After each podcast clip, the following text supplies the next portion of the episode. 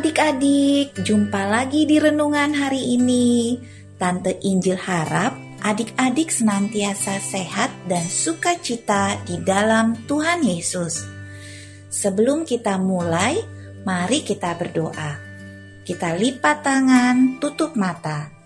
Tuhan Yesus yang baik, kami akan merenungkan firman-Mu. Bimbing kami ya Tuhan. Terima kasih Tuhan Yesus. Amin.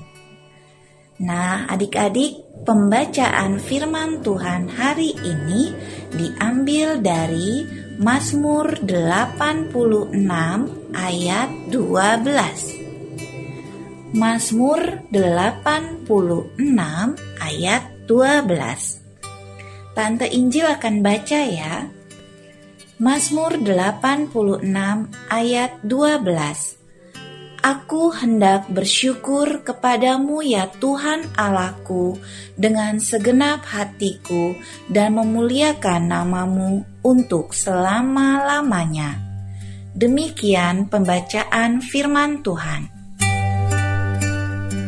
Pada suatu hari, bulan mendapati bintang adiknya sedang duduk termenung dengan wajah sedih. Wah, kira-kira apa ya yang terjadi dengan bintang? Bintang, kok kamu murung? Eh Kak Bulan, iya kok aku lagi sedih Kak. Kenapa sedih? Gini Kak, kan sekarang kita belajar secara online, ibadah juga secara online. Bintang ingin papa pasang wifi di rumah agar jaringan internet kita kuat kak. Masa kalah sama rumah teman bintang yang wifi-nya super cepat kak? Aku juga ingin deh punya rumah seperti itu. Oh gitu. Ya ampun bintang. Gak boleh banding-bandingin rumah kita sama rumah temanmu. Bintang harus belajar menerima keadaan kita.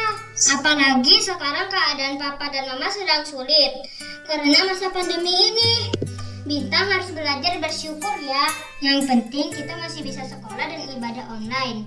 Kita harus bersyukur ya Bintang.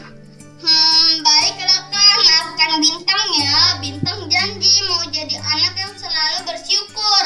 Tidak hanya membanding-bandingkan dengan keadaan orang lain. Good. Nah, gitu dong.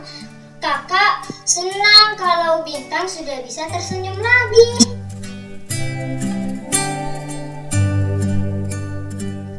Nah, adik-adik, kita harus nantiasa bersyukur atas apa yang kita punya.